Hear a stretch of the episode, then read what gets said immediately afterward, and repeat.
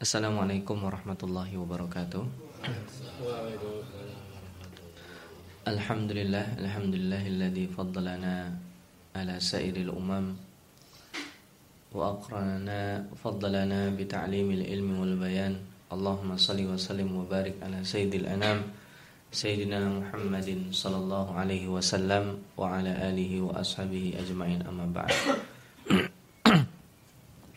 Alhamdulillah pada pagi hari ini di hari yang dimuliakan Allah Subhanahu wa taala kita kembali dipertemukan Allah setelah menunaikan kewajiban kita. Kita berdoa mudah-mudahan dibukanya hari kita dengan kebaikan dan ketaatan. Allah jaga keistiqomahan kita tersebut. Allahumma amin. kita akan melanjutkan uh, bahasan surat Al-Baqarah dan masih ada uh, bagian yang nyambung dengan bagian sebelumnya yaitu tentang haji. Setelah itu kita akan membahas beberapa karakteristik orang e, munafik. Insya Allah kita akan tadaburi ayat 203 sampai 210 biidznillah. A'udzu billahi minasyaitonir rajim. Bismillahirrahmanirrahim. Wadhkurullaha fi ayyamin ma'dudat. فمن تعجل في يومين فلا إثم عليه ومن تأخر فلا إثم عليه لمن اتقى واتقوا الله واعلموا أنكم إليه تحشرون Ini satu ayat masih nyambung dengan ayat sebelumnya yang berbicara tentang haji. Kita di sana disunahkan sebanyak-banyak mungkin berzikir kepada Allah Subhanahu wa taala karena kemarin kita sudah e, membahas dulu ada jahiliyah orang-orang kalau habis menunaikan ibadah haji itu membanggakan nenek moyang mereka. Maka Allah menginginkan itu diganti dengan zikir. Dan zikir itu sebanyak-banyaknya. Meskipun di sini dikatakan fi ayyamin ma'dudat itu adalah lebih dari biasanya. Kalau misalkan dalam harian saja selesai sholat saja kita sudah Eh, minimalnya 100 berzikir dengan lafat-lafat yang diajarkan Rasulullah Sallallahu Alaihi Wasallam. Bertasbih, bertahmid, bertakbir, tahlil itu minimalnya kita 100 kalau selesai sholat itu kali 5 sudah 500 apalagi ini di hari khusus itu lebih dari itu. Suatu ketika Imam Abu Hanifah beliau hendak tahallul cukur ya dari ibadah haji ya Nah, pada waktu tahallul beliau duduk tiba-tiba tukang cukurnya bilang, "Eh, ngadep kiblat." Akhirnya Imam Abu Hanifah menghadap kiblat. Setelah menghadap kiblat, beliau diam. "Eh, berzikir, kamu ini sedang ibadah."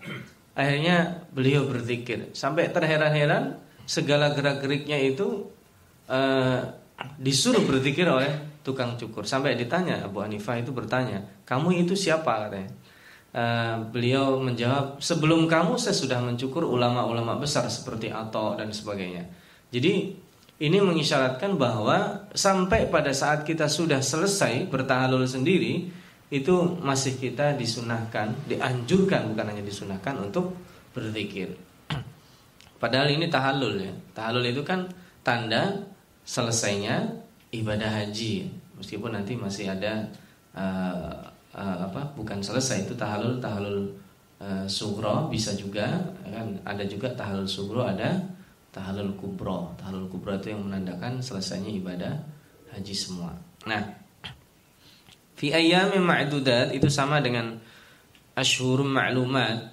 Itu ashhurum ma'lumat itu waktu yang yang kemarin kita bicarakan dari Syawal, Dzulqa'dah dan sebagian Dzulhijjah sampai tanggal 12 eh, atau 13 ya. Nah, ini ayam ma'dudat ini lebih khusus di hari-hari ayam tasyrik. Orang yang tidak haji sendiri kita kalau Idul Fitri itu takbiran paling seru, paling ramai itu eh, tanggal 1 Syawal ya.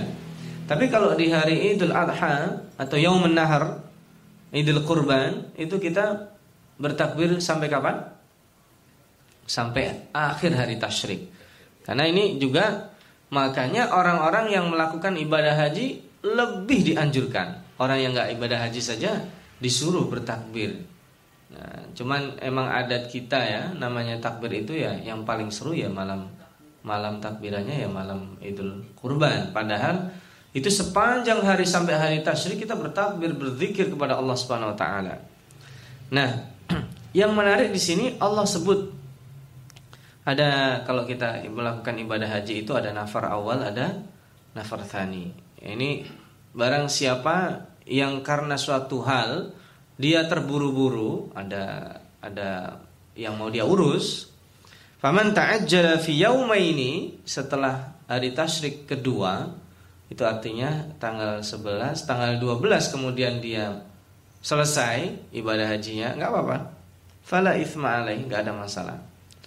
Wa man ta'akhkhara fala ithma alaihi. Dan orang yang menyempurnakan sampai hari tasrik ketiga itu tidak ada masalah. Lima nittaqa. Nah, ini bahwa ibadah seseorang itu dia mau sebentar, dia mau lama, itu nggak ada masalah lima nittaqa. Nah, ini diambil uh, tengah-tengahnya ya. Jadi ukuran kita beribadah itu bukan bukan hanya masyakkah. Tapi ukurannya adalah lima nittaqa. Kalau kemarin kita sudah bicarakan laisal birra an tuwallu wujuhakum qibalal masyri wal maghrib. Kebaikan itu tidak harus uh, bukan tidak harus, tidak hanya diukur dengan sholat kita ngadep ke mana, tetapi kebaikan itu esensinya. Maka ini di sini zikir itu bukan nafar awal atau nafar tani, tapi adalah lima nittaqa. Nah, kita yang terburu-buru karena suatu hal, Allah tahu terburu-burunya karena apa. Nah, Allah yang uh, dia akhir diakhirkan sampai nafar tani, sampai hari tasrik ketiga, baru dia cabut, situ selesai. Allah juga tahu karena apa. Maka kali itu Allah taala setelah lima nitaqa memerintahkan lagi wattaqullah. Jadi segala sesuatu itu selalu dikaitkan dengan perintah takwa. Wa'lamu annakum ilaihi tuhsyarun. Sesungguhnya ketahuilah sesungguhnya kalian itu nanti akan dikumpulkan di hadapan Allah Subhanahu wa taala. Ini kata-kata tuhsyarun mungkin karena kita tidak faham atau karena kita tidak memvisualisasikan itu terlihat biasa Padahal tuh syarun itu yujma'u min awwali al-khalqi ila akhir. Itu dikumpulkan dari awal penciptaan sampai akhir penciptaan. Coba Bapak-bapak bayangkan kalau seandainya musola tadi tempat kita sholat itu semua yang tinggal di sini dari ujung sana sampai ujung sini ini masuk musola bisa nggak kita ruku nggak usah sujud dah ruku bisa nggak? Nggak bisa ya? Yang laki-laki yang perempuan dikumpulkan. Ayo barang siapa mau aman masuk musola itu pasti terpirit-pirit orang. Itu di akhir akhirat seperti itu. Jadi tidak ada jengkal yang tersisa semuanya dikumpulkan Allah dan itu sengeri-ngerinya uh, apa hari yang dikumpulkan kalau seseorang mohon maaf kita mengeluh ya macet di jalan, itu macetnya masih berjarak karena yang bersentuhan itu kendaraan kita. Apalagi yang naik mobil masih ada rongga, apalagi ada AC-nya. Yang naik sepeda juga demikian, yang bersentuhan itu roda depan dengan roda belakang. Dia masih ada rongga berdiri atau menahan. Tetapi kalau nanti di yaumul mahsyar dikatakan al mahsyar, itu lebih seram. Karena tidak ada jarak di situ. Orang berdesak-desakan dikumpulkan nasibnya yang akan membedakan. Dia ada yang tenggelam dengan uh, kesulitannya, ada yang dimudahkan Allah Subhanahu wa taala dan dikumpulkan nanti juga uh, sesuai dengan golongannya. Nanti orang yang dia berkumpul dengan orang ini, oh kamu nggak di sini nggak bisa, kamu ke sana. Jadi ada orang yang dia dengan susah payah dia nggak harus di sini. Tempatmu itu di sana, di ujung sana. Di sini ditolak, digeser-geser. Itu kan luar biasa. Bayangkan itu maka yaumul mahsyar itu akan menjadi sesuatu yang sangat mengerikan. Maka di sini kelihatannya sederhana. Wa'lamu annakum ilaihi tuhsyarun itu kalau divisualisasikan kita bayangkan itu sangat-sangat mengerikan. Dan itulah orang-orang yang naik haji harusnya ingat itu. Dia keluar di saat wukuf di Arafah, nggak seberapa wukuf di Arafah masih enak. Ada tendanya, ya kan? Masih bisa minum, masih ada yang jualan mungkin. Masih ada catering yang dikirim oleh panitia masih ada bahkan tenda VIP yang ada AC-nya. Tapi nanti di yaumil mahsyar itu nggak ada tenda, tidak ada tempat teduh, tidak ada yang jualan air. Kita bayangkan itu prosesnya mau diapain, semuanya bertanya-tanya. Orang sekarang kita dikumpulin, kita disuruh ngapain? Itu aja sudah cemas, sudah berontak kita. Tapi ini wa'lamu annakum ilaihi tuhsyarun dikumpulkan untuk dipertanggungjawabkan semua amalnya. Ini kalau kita mau bicara tentang haji, nanti silahkan bapak-bapak pulang nanti tadabur ya surat Al-Hajj. Surat Al-Hajj itu ayat pertamanya membicarakan tentang hari kiamat. Ya Yohanes, inna zalzalatas saati syai'un azim di situ. Jadi membicarakan tentang hari kiamat. Haji itu baru dibicarakan setelah 25 ayat. Jadi esensi haji itu adalah kepercayaan hari kebangkitan dan dikumpulkan manusia. Ini kita cukupkan kajian tentang haji. Sekarang kita memasuki kajian tentang sifat orang-orang munafik. Wa minan nasi may yu'jibuka qawluhum fil hayati dunya wa yushhidullah ala ma fi qalbihi wa huwa aladdul khisam. Ini yang menarik di sini orang munafik Allah memberikan sifat wa minan nas jadi orang munafik dari kalangan manusia. Kalau dari kalangan jin mau udah jelas kita nggak ngelihat. Dari kalangan manusia, orang munafik itu man yu'jibuka qawluhu fil hayati dunya. Jadi orang munafik itu jangan dibayangkan orang yang menyeramkan.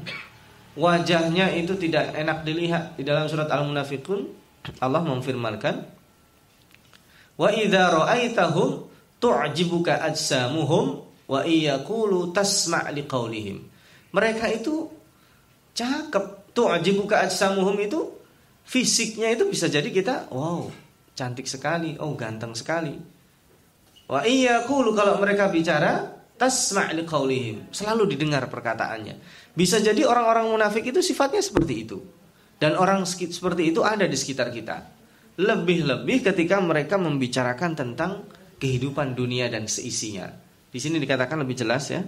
Spesifik wa minan nasi may yu'jibuka qauluhu fil hayatid dunya. Ketika dia membicarakan tentang perencanaan tata kota, oh luar biasa. Tapi itu untuk menipu kita. Ketika mereka membuat program-program yang simpatik terhadap rakyat, wah ini kayaknya pemimpin yang perlu kita pilih. Sejatinya mereka menyimpan kebusukan. Wa yushidullaha ala ma fi qalbihi Wahwa aladul khisam. Ini bahasa yang sangat keras. Sesungguhnya mereka itu adalah orang yang sangat-sangat keras permusuhannya kepada kita di dalam kebatilan.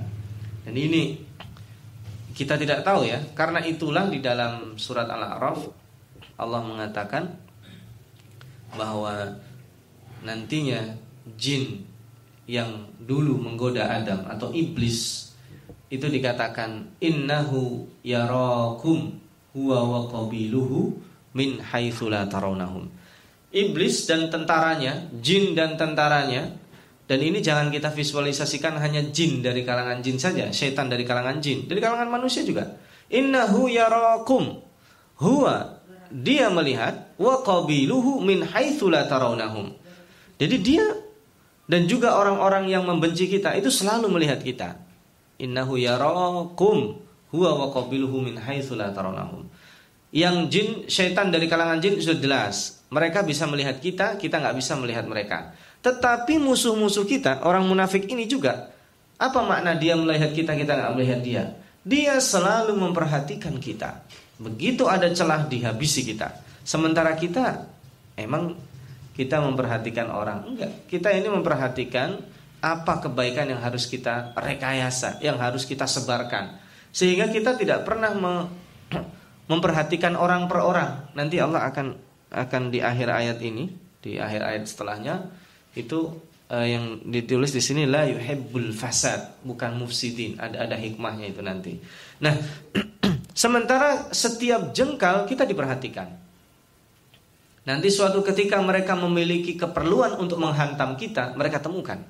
Lah iyalah, Bapak-bapak kalau ngikutin al-faqir setiap detik dipasang alat penyadap di saya, itu pasti ketemu kesalahannya. Nah, itulah makna orang-orang munafik. Makna bahwa pasukan syaitan dari kalangan jin dan manusia yarokum melihat kita min haitsu la tarawnahum sementara kita tidak melihat mereka karena kita terbatas dan karena fokus kita bukan itu. Kita tidak mengikuti aib orang. Nah, ini orang-orang munafik dia dikesankan sebagai orang yang dermawan. Padahal dia luar biasa. Dia melakukan human trafficking, tapi di luar dia menyantuni anak yatim. Jadi Bungkusnya indah sekali padahal dia melakukan human trafficking, melakukan penjualan manusia, perbudakan manusia. Industrinya itu sangat menyusahkan rakyat kecil, tapi dia dibungkus dengan orang yang dermawan. Kan ada ya itu ya kalau kita lihat ya, dia geng narkoba yang sangat luar biasa, tetapi dia di lain pihak terlihat sebagai orang yang sangat santun. Ya, membuat santunan anak yatim. Ini kan bisa terjadi dan itu orang seperti itu ada nasi may yu'jibuka qawluhu. Perkataannya sangat didengar. Dia tokoh masyarakat. Kenapa? Justru orang yang ditokohkan itu rentan untuk menjadi orang munafik. Apa maksudnya? Orang yang ditokohkan masyarakat itu lebih sibuk biasanya, lebih sibuk menjaga performa dia di depan masyarakat. Ini mohon maaf ini kita harus banyak berdoa, ya Allah Jauhkanlah kami dari berpura-pura menjadi baik di depan orang lain Sementara pada saat menjadi diri sendiri kelihatan sesungguhnya Dan itu luar biasa beratnya Kita dianjurkan bersolat jamaah juga untuk itu Kenapa? Ya karena masa sih orang sholat jamaah sholatnya sembarangan Orang sholat jamaah masa pakaiannya sembarangan Kita diajarkan Karena dalam Al-Quran Khudhu zinatakum indah kuli masjid itu untuk merekayasa. Diharapkan bukan hanya sholat jenazah, sholat jamaah, tapi pada saat dia sholat sunnah dan sholat sunnah itu dianjurkannya di rumah. Kalau sholat wajib dianjurkannya di masjid. Bukan hanya bagi laki-laki sebenarnya, bagi perempuan juga diperbolehkan, dianjurkan jika tidak ada halangan. Nah, bedanya kalau laki-laki nggak punya halangan dia. Kalau perempuan jika tidak ada halangan, baik halangan yang sangat-sangat syar'i datang yang uh, siklus bulanannya atau dia memiliki anak kecil dan sebagainya. Nah, ini sangat rentan dan kita harus mendidik itu. Siapa pun kita itu biasanya lebih sibuk memperhatikan performa kita di depan orang lain. Dan itu bisa menjadi bagian dari orang munafik. Perkataan kita didengar senang gitu. Padahal sesungguhnya alat dul khisam. Kita kadang menyimpan permusuhan. Hisam itu adalah dalam kebatilannya. Nah, dan ini alatul hisam secara bahasa itu dikupas oleh pakar bahasa. Dia seperti husnul wajhi. Dia kelihatannya sirat ismin tafdil, isim tafdil, fi'il tafdil, isim tafdil, tapi sebenarnya ini sifat. Kalau dikatakan husnul wajhi itu adalah wajahnya yang tampan atau wajahnya yang cantik Aladul khisam adalah permusuhan yang sangat luar biasa. Nah ini ada hikmahnya kenapa disebut aladul hisam. Berarti dia sekam di dalam dadanya. Nanti suatu ketika meletus ketahuan aslinya. Bu ini saya kira teman ternyata yang selama ini membocorkan itu dia. Nah, kalau dalam istilah uh, kita sering disebut dengan musuh dalam selimut. Nggak tahu itu munculnya dari mana. Musuh dalam selimut itu karena saking dekatnya tidur satu selimut ternyata itu musuhnya. Nah, itu mungkin permisalannya Allah alam. Nah, ini orang munafik itu lebih berat dibanding orang-orang kafir yang memusuhi kita. Kalau musuh pada saat peperangan jelas dia bawa senjata akan musuhi kita, kita berjaga-jaga. Tapi orang munafik itu duduk bersama kita, minum, makan, sholat, berzikir di dalam nanti akan sampai ayatnya itu di dalam surat An-Nisa Insya Allah nanti kita bahas kalau udah sampai. Mereka sholat, tapi sholat mereka itu malas-malasan. La illa qalila. Mereka berzikir juga, tapi zikirnya itu terpaksa dan sedikit. Makanya di sini kita disuruh wadkurullaha fi ayyamin ma'dudat dalam hari-hari yang khusus itu eh, hari Idul Kurban dan Idul Adha, ayam tasyrik, kita disuruh berzikir sebanyak-banyaknya. Lalu apa mereka yang menyimpan permusuhan itu? Iza wa iza tawalla ketika mereka berpaling dari kita. Oh, tadi kan ngobrol gitu ya. Ketika berpaling pergi Sa'afil ardi liyufsida fiha. Kelihatan aslinya. Eh, lekan nelfon eh hari ini kita ngirim barang berapa? Mulai dia yang bisnis narkoba. Eh, hari ini kasus yang eh, gimana itu? Mafia hukum. Eh, hari ini dia mafia impor, mafia pangan, mafia-mafia yang lainnya yang bergentayangan di negeri ini. Sehingga tidak heran ini sering uh, kita membuat sedih ya luar biasa energi di negara kita ini tapi listrik naik terus misalnya ya kan ini mau akan ada kenaikan listrik lagi. Yang Al Fakir baru tahu juga beberapa waktu lalu sempat berdiskusi itu terigu kita 100% impor. Artinya tepung yang kita makan setiap hari itu bukan dari produk dalam negeri. Padahal negeri sekaya ini luar biasa. Kita ketemu uh, tempe mendua nah ini tepungnya impor. Kita ketemu bakwan apalagi ketemu roti itu juga. Jadi ini luar biasa ada hasil tangan-tangan yang berbuat kerusakan sebenarnya. Tapi kita tidak tahu. Wa hartha wan nasl. Coba nih mereka ini berbuat kerusakan. Al harth itu perkebunan pertamanan uh, yang berhubungan dengan uh, cocok tanam pertanian. Wan nasl dan keturunan. Itu yang dirusak mereka. Jadi pangan kita dirusak bukan berarti kita nggak makan. Tapi lihatlah yang kita makan setiap hari. Bisa jadi gizinya diturunkan. Bisa jadi itu hasil dari kong kali kong mafia impor pangan itu. Yang harusnya kita bisa swasembada sendiri tapi yang terjadi tidak seperti itu. Itu di antaranya kerusakan. Bukan hanya sekedar misalkan kebun-kebun teh, kebun-kebun kopi itu dibakar. Hutan-hutan yang sekarang di Sumatera ada asap itu dibakar. Itu kerusakan. Iya. Tapi kerusakan juga adalah memonopoli, membuat apa? Kong kali kong berbuat kerusakan masalah urusan pangan karena ini adalah hajat pertama yang di dalam surat Quraisy disebut alladzi at'amahum minju. Dan itu harus terlepas pertama kali. Yang membebaskan rasa lapar itu Allah, bukan manusia. Tetapi manusia mencoba menjadi Tuhannya. Eh, kamu jangan macam-macam. Indonesia kalau mau macam-macam, kamu itu impor dari negara saya. Akibatnya kita disetir kebijakan-kebijakan lainnya. Kenapa orang yang nggak bisa makan dari tangannya sendiri menjadi orang yang tergantung dan tidak bebas? Orang siapa yang ingin bebas maka dia makan dari tangannya sendiri. Dia akan menjadi orang yang bebas. Maka ini al-hafal tafsirannya sangat luas sekali. Yang kedua an-nasl berbuat kerusakan di keturunan. Apa maksudnya? Dengan memperbanyak dan mengkampanyekan kehidupan bebas free sex, pergaulan bebas. Ah, nikah tuh nggak penting. Dulu, mohon maaf, zaman dulu, kalau ada anak perempuan belum punya suami, ketahuan dia sudah hamil, itu aib malunya luar biasa. Tapi sekarang malu sehari dua hari saja.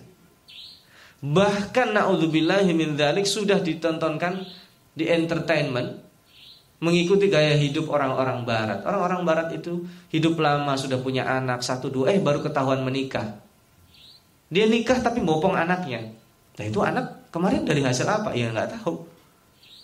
Dan itu sekarang di negara kita sudah mulai ada seperti itu. Tidak aib ternyata. Kalau sebelum pernikahan terjadi pergaulan bebas. Ini al-hartha wan nasl dirusak. Dan kita tidak tahu siapa yang rusak itu. Nah, itu sejatinya adalah musuh yang utama. Jadi kita mulai sekarang kita cek. Ini kalau al harta itu tadi al fakir itu sedih ya sekarang. Orang-orang barat, orang-orang bule pada saat al fakir diskusi dengan mereka itu heran dan takjub dengan kita. Lihat makanan ayam itu banyak kita ada ayam diungkepin, ada dijadiin soto, ada jadi ayam pedas. Nah ini kita baru merasa modern kalau makan ayam ditepungin. Betul nggak ya? Mau ulang tahun, ayo kita makan ayam yang ditepungin. Itu menjadi lifestyle, menjadi gaya hidup modern. Nah, bila anak-anak kita mau ulang tahun dibeliin soto Betawi, nggak mau mereka. Padahal ayam juga judulnya. Mau ya pergi ke, nah tahu sendirilah itu. Yang ayam ditepungin itu, yang tepungnya tadi 100% impor itu.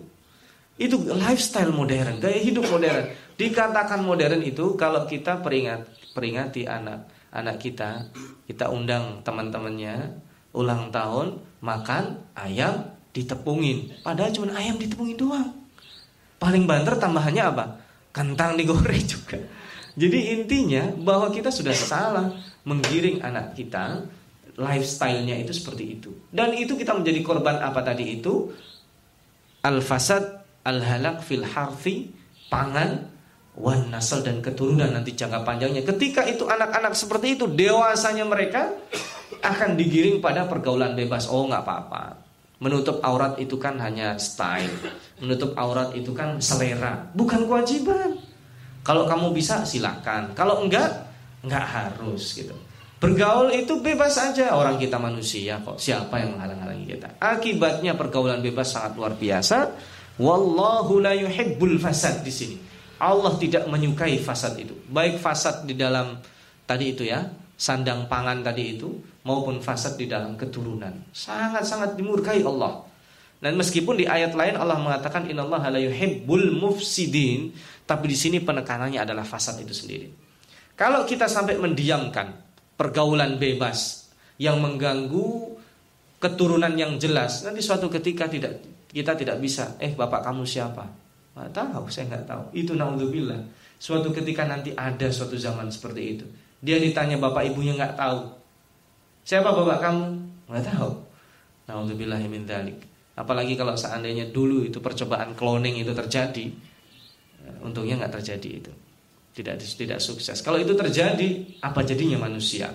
Kebebasan tanpa batas, kerusakan di makanannya, kerusakan di dalam keturunannya maka rusaklah. Allah tidak menyukai itu. Nah, Wa yang ketiga ya. Wa idza qila lahu ketika dia dikatakan ittaqillah, eh bertakwa kepada Allah, akhadatuhul izzatu bil ithm. Orang ini bangga dan membanggakan dosanya. Padahal kalau kita berbuat dosa bukan sunnah, kita dianjurkan bertaubat kepada Allah yang menutup dosa kita. Jadi kita nah, seringnya kita malah ber, bercerita itu bangga dengan dosa kita. Jadi ketika ketika berdosa, itu harusnya kita diam urusan kita dengan Allah, menangis kita. Ya Allah, ini khilaf saya kemarin ya Allah. Ampuni saya. Ini malah bercerita. Dia cerita sama temannya, "Eh, semalam saya minum bisa lo 5 gelas." Situ bisa berapa? Ini termasuk orang yang akhadatul izzah. Dia diperingatkan tapi tidak mau. Nah ini hati-hati kalau kita bangga menceritakan dosa kita apalagi dosa orang lain Dosa orang lain kita omongkan dengan bangganya padahal harusnya itu aurat yang harus ditutup, aib yang harus kita buang dan harus kita obati. Kita luar biasa bicarakan menyukai aib-aib orang lain bergentayangan di rumah-rumah kita. Maka ini akhadalul izzah ini uh, sangat luar biasa. Kalau ada orang nanti sudah bangga dengan kemungkarannya, maka akan terjadi kaidah yang sering Al-Fakir ulang ya, idza kathurul munkar sara ma'rufan. Kemungkaran kalau sudah terjadi di mana-mana akan menjadi ma'ruf. Orang membuka aurat semua, dia yang menjadi ma'ruf, yang menutup aurat jadi mungkar. Semua orang berzina, orang yang tidak berzina yang punya iffah menjadi mungkar. Bukan berjadi zina jadi halal, bukan, tapi orang-orang baik akan tersisih secara sosial. Kenapa? Karena rekayasa sosialnya itu mengarah kepada keburukan kalau kita biarkan ini. Karena itu Allah mengatakan la yuhibbul fasad. Nah, fahasbuhu jahannam orang kayak gini maka cukuplah dia jahanam sebagai tempat tinggalnya walabi salmihat dan itu seburuk-buruk tempat tinggal. Nah, ini bagian manusia yang satu. Allah memotret jenis manusia yang lainnya yang luar biasa. Kebalikannya sangat terbalik ya. Wa minan nasi yashri nafsahu. Tapi ada juga di antara manusia yang menjual dirinya ibtigha amardatillah, menjual diri ya ini konotasinya negatif. Kenapa? Karena sudah terrekayasa negatif. Menjual diri itu kan rekayasa negatif. Padahal itu positif. Kalau nafas sudah dijual, itu artinya waktunya. Itu artinya hartanya. Itu artinya anak istrinya. Itu artinya kekayaannya yang Allah berikan kepadanya digunakan untuk ibtigha amradatillah. Wallahu raufun bil ibad. Maka dia akan mendapatkan rafah dan dia layak disebut dengan al-ibad sebagai hamba Allah Subhanahu wa taala ingin mendapatkan kasih sayang khusus dari Allah Subhanahu wa taala. Nah, ini kita jangan hanya gini. Ada perkataan yang menarik waktu Al-Fakir mengunjungi Palestina. Itu dikatakan al-mautu fisabilillah itu berat. Tetapi itu lebih jauh lebih mudah dibanding al-hayatu fisabilillah. Mati di jalan Allah itu berat, tapi itu lebih mudah bagi para mujahidin dibanding hidup fisabilillah. Karena orang hidup itu kan ada bosannya. Masa sih iya saya sudah 60 tahun sholat terus jamaah sekali-kali dong. Nah, itu sulit sulitnya di situ. Masa sih saya sudah sekian tahun hidupnya baik-baik aja, coba dong kita keluar dikit. Nah, itu godaannya. Maka al hayatu fisabilillah, hidup dalam keadaan on the track. Di dalam track fisabilillah itu jauh lebih berat dan orang yang uh, melakukan itu meskipun di dalam bahasa hadisnya itu kalau seandainya kalian sanggup mengingat yang dikatakan oleh Nabi Muhammad di dalam majlisnya, di luar majlis itu kalian ingat, la kumul malaikatu fit.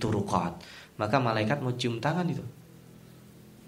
Ya, tapi kata Rasulullah SAW, walakin ya hamdalah sa'atan wa sa'at. Tapi pelan-pelan. Namanya manusia itu ada bosennya. Namanya manusia itu ada futurnya. Namanya manusia itu ada fluktuasinya imannya itu. Jadi kita memang nggak akan bisa nilai keimanan kita stabil, tapi minimalnya jangan jauh-jauh kalau kita uh, sedang bosen melakukan ketaatan. Nah ini yang sangat terbalik. Lalu Allah swt setelah itu Allah perintahkan ya ayuhalladzina amanu. Ingat panggilan ya ayuhalladzina amanu itu panggilan spesifik yang hanya disebut 89 kali di dalam Al-Qur'an dan hanya dikenal oleh umat Islam saja di Madinah. Di Mekah mereka tidak mengenal panggilan ini, bahkan orang Arab juga tidak mengenal panggilan jenis seperti ini. Jadi ini yang membuat orang dahsyat. Oh, luar biasa ini jenis panggilan apa? Karena tata bahasa pada waktu itu sudah sampai pada puncaknya. Panggilan seperti ini belum ada. Ya ayuhalladzina amanu wahai orang-orang yang beriman. Adanya kan panggilan wahai Abu Fulan, Abu Fulan. Dikunyah julukannya. Tapi di sini wahai orang-orang yang telah beriman, meskipun kalian sudah beriman, kenapa panggilan ini? Panggilan ini untuk menunjukkan bahwa yang diajak ngomong itu orang yang faham. Panggilan ini menunjukkan bahwa yang diajak ngomong itu orang yang sudah jelas afiliasi dan loyalitasnya, yaitu iman kepada Allah. Panggilan ini menandakan bahwa Allah menyayangi yang dipanggilnya. Ketika ada kesalahan ditegur maka itu adalah teguran sayang. Ketika ada perintah maka itu perintah yang akan menambah kesayangan Allah. Apa perintahnya? Udkhulu fisilmi kafah. Masuklah di dalam penyerahan totalitas secara penuh. Asilmi di sini al-Islam menurut jumhur mufassirin. Tapi padanan kata Islam di sini banyak sekali. Asilmi wal istislam, menyerah di hadapan Allah. Maka sholat itulah bentuk penyerahan yang total. Gimana nggak menyerah kalau kita sholat? Sholat itu kan e, bentuk masyarakat kecil. Ada pemimpin, ada yang dipimpin. Tapi sedang apa kita? Sedang beribadah. Maka totalitas kita menyerah kepada Allah. Ada aba-aba mulai siap tinggalkan semuanya. HP dimatikan, omongan dimatikan. Kalau bisa dunia tidak ada di dalam otak kita. Allahu Akbar, Allah yang maha besar di depan kita seolah-olah Allah besar sekali. Meskipun kita kadang mengucapkan takbiratul ikhram itu nggak kelihatan Allah. Masih mikirin yang macam-macam. Ketika assalamualaikum itu artinya misi kedamaian kita kita sampaikan kepada orang-orang setelah kita salat. Assalamualaikum itu adalah uh, kedamaian nama Allah. Di sini asilmi juga demikian. Ketika seorang selesai sholat, maka tadi memerangi kerusakan yang tadi kita sebut. La yuhibbul fasad. Karena misi kedamaian kita itu fisil mikafah totalitas. Maka beribadah, memahami ayat Al-Quran itu totalitas juga. Sebagian orang ada mengambil ayat Quran tertentu kalau menguntungkan. Kalau yang tidak menguntungkan sebagian naudzubillah orang-orang yang liberal maka oh ini perlu direvisi. Karena tidak sesuai dengan hidup yang sekarang. Naudzubillah kalau kita seperti itu, jangan sampai. Lalu luar biasa Allah berikan warning. Wala tattabi'u khutwati syaitan. Jangan kalian ikuti langkah-langkah syaitan. Syaitan dari jenis jin dan syaitan dari jenis manusia. Khutwat bahasanya. Allah tidak mengatakan wala tattabi'u syaitan. Sama dengan perintah e, melarang Allah melarang berzina wala takrobu az-zina. Jangan dekati zina. Oh kalau gitu dekati zina nggak boleh. Berzina boleh ya? Ah itu orang yang nggak paham bahasa. Wala tattabi'u khutuwati syaitan itu karena syaitan tidak langsung menyuruh kita berbuat syirik. Mulai dari awal. Orang sedang berbuat baik dipuji dia. Di kampung ini mana ada orang lebih soleh dari ente. Makan jawab dia. Oh iya? Nah masuk dia perangkap. Mulai mana ada orang yang lebih pintar dari ente. Oh ya? Itu masuk perangkap. Syaitan masuknya dari yang paling halus sekali. Wala takrobuz zina itu sendiri kan zina dimulainya dari apa? Dari senyuman kan. Ya kan? Pertama ibtisam, kemudian bicara, pertemuan dan terusnya. Maka khutuwatus syaitan itu dimulai dari yang kita tidak sadar. Makanya nanti bahasanya di ayat setelahnya itu wa inzalaltum nanti ya. Nah, kita sudahi saja di sini. Kita akhiri di ayat 208 kita akhiri. Innahu lakum aduwwum mubin. Nah, ini yang sering jarang kita kita tadaburi. Tempo hari pernah kita tadaburi ya. Innahu sesungguhnya syaitan itu bagi kita aduwun mubin, musuh yang nyata. Padahal siapa di antara kita yang pernah melihat setan? Siapa di antara kita yang ketemu setan ngejogrok gede banget? Gak ada. Kenapa Allah katakan musuh yang nyata itu kita harus memvisualisasikan syaitan. Dan Al-Fakir ulang juga tempo hari pernah kita bahas, syaitan itu salahnya, salahnya nih, kita sering memvisualisasikan sebagai sesuatu yang menyeramkan. Eh, padahal kalau setan itu menyeramkan, Nabi Adam tidak pernah terjerumus. Ya kan? Setan itu kalau seram mau deketin dia takut kita. Akibatnya setan nggak jadi deketin kita. Padahal tadi sudah disebut di di awal, yu'jibuka qauluhu. Setan itu cakep. Perkataannya enak didengar. Tu'jibuka ajsamuhum wa iyaqulu tasma' liqaulihim. Ah, setan itu. Tapi jangan dibalik. Wah, ini orang omongannya enak. Wajahnya ganteng, nah setan ini jangan gitu. Enggak jangan dibalik kayak gitu. Bisa jadi yang seperti itu setan juga. Dan syaitan itu bisa menjelma di dalam rumah kita. Oh, jangan nakut-nakuti dong. Iya. Syaitan itu bisa menjelma dalam diri istri dan anak-anak kita. Kalau yang perempuan dalam diri suami dan anak-anak kita. Kenapa? Syaitan itu bisa menjelma di mana saja. Karena ada di dalam surat An-Nas dikatakan minal jinnati wan nas. Jadi eh, surat An-Nas sering kita baca kita ruhnya nggak dapat di situ. Padahal ini aduun mubin itu dia ada di mana-mana. Di kanan, di kiri, depan, belakang itu ada. Tapi ingat, kita nggak perlu takut. Karena itulah kita disuruh wasta'id billah minasyaitonir rajim. Ya, kalau kita sudah istiadah, itu syaitan sekuat apa pun, inna kaida syaitani kana dha'ifa. Sesungguhnya tipu daya syaitan itu lemah di depan orang-orang yang kuat imannya. Makanya kita mulai sekarang harus visualisasi bahwa syaitan itu tidak menyeramkan. Syaitan itu bentuknya kertas warnanya merah muda. 100 ribu ya itu. itu bisa jadi setan juga itu. Setan itu bentuknya tunggangan yang enak. Setan itu bentuknya makanan yang enak. Setan itu bisa bentuknya istri yang cantik kalau kita kita lupa. Setan itu bentuknya jabatan. Setan itu bentuknya pujian orang dan sebagainya. Maka dikatakan aduun mubin, musuh yang nyata dan kita kalau untuk anak kecil bolehlah kita visualisasikan setan itu bertanduk, menyeramkan, masuk neraka seperti itu atau eh, diperparah dengan film-film horor itu ya. Setan itu ya kayak gitu. Padahal setan itu enak diajak ngobrol sebagaimana ngobrolnya Nabi Adam dengan iblis. Coba saya saya visualisasikan. Itu Nabi iblis ngobrol sama setan yang membujuk dia. Itu nyantai apa diteror Nabi Adam? Nyantai banget kan? Laminan nasihin. Inilah kuma laminan nasihin. Sesungguhnya aku bagi kalian orang yang ya saya kan cuma ngasih pendapat aja. Kalau nggak mau ya nggak apa-apa. Oh ya, iya. Ini kamu kalau nggak makan itu kamu nggak akan bisa kekal. Allah nggak menginginkan itu. Itu sampai bisa diyakinkan coba orang sekelas Nabi Adam yang pinter itu, yang diajari, yang malaikat aja kalah, bisa tertipu itu mustahil. Makanya makanya orang kalau berbusa-busa mulutnya kita terpesona hati-hati nih ini juga belajar dari syaitan dan jin yang tadi sangat menipu itu. Nah, makanya dikatakan di sini kaul ya kita wah perkataannya luar biasa sejatinya itu ada ada di baliknya luar biasa. Nah, lalu dikatakan fa in zalaltum, kalau kita terpleset, padahal zalla di situ artinya sukut jatuh. Kepleset kalau nggak jatuh mah nggak apa-apa. Ini bapak-bapak jalan nih, kepleset tapi nggak jatuh, nggak heboh orang. Betul ya? Yang di, di belakangnya juga uh, tadi ya sempat kaget, setelah itu nggak apa-apa. Tapi kalau sampai jatuh, nah itu maksudnya.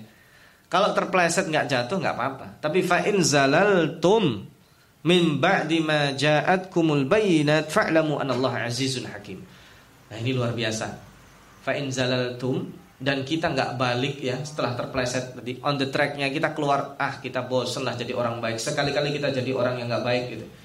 Kemudian kita terlalu jauh terplesetnya dan jatuh ke dalam lumur-lumur dosa. Nah ini wa'lamu annallaha azizun hakim. Gini aziz itu maha perkasa yang di dalamnya ada keadilan ditegakkan. Tetapi kalau seandainya Allah itu hanya maha adil saja, nggak ada orang masuk surga. Adil itu jelek dibalas jelek, baik dibalas baik, ya kan? Jelek satu dibalas jelek satu, baik satu dibalas kebaikan satu. Tapi Allah tidak. Keburukan satu dibalas berapa? Satu. Kebaikan satu dibalas sepuluh yang jelas. Bisa seratus, bisa tujuh ratus kan? Dilipat gandakan sampai Allah saja yang tahu. Itu artinya bahwa amal kita itu kalau dibanding dosanya, kalau hitung-hitungan matematisnya banyak mana? Ya nggak tahu kita, tapi ya kita harus sadar diri. Karena yang kita sembunyikan dengan yang kita tampilkan baik mana? Ya nggak usah dijawab, masing-masing kita tahu lah. Kita kan kadang yang kita tampilkan lain, yang disembunyikan lain. Tampilannya sodako 100 ribu, tampilannya hatinya itu juga terpaksa. Nah, itu kan lain. Tampilannya uh, supaya dipuji orang, senang senyum-senyum. Dia di dalam hatinya aslinya saya juga benci banget sama situ. Dia senyum, tampilannya senyum tapi tadi aladul khisom. Tampilannya senyum kanan, senyum kiri. Dalam hatinya ini apa yang bisa saya jual di sini. Jadi penguasa kan? Senyum-senyum itu tanah kosong akan saya akuisisi. Telepon dia mafia tanah di sini oh ini ada kebun dia miliki dia rampas di situ aladul khisam di situ ada permusuhan yang sangat luar biasa azizun hakim tapi Allah maha hikmah Allah bijaksana. Bukan hanya adil tapi Allah maha penyayang. Jadi ini singkat ringkasnya saja. Gabungan antara keadilan dan hikmah Allah itulah yang menjadi kita menjadikan disayang Allah. Dan ayat terakhir hal yang duruna illa ayatiyahumullah mereka itu hanya menunggu didatangkan oleh Allah Subhanahu wa taala fi dulalim minal ghamami wal malaikatu wa amr.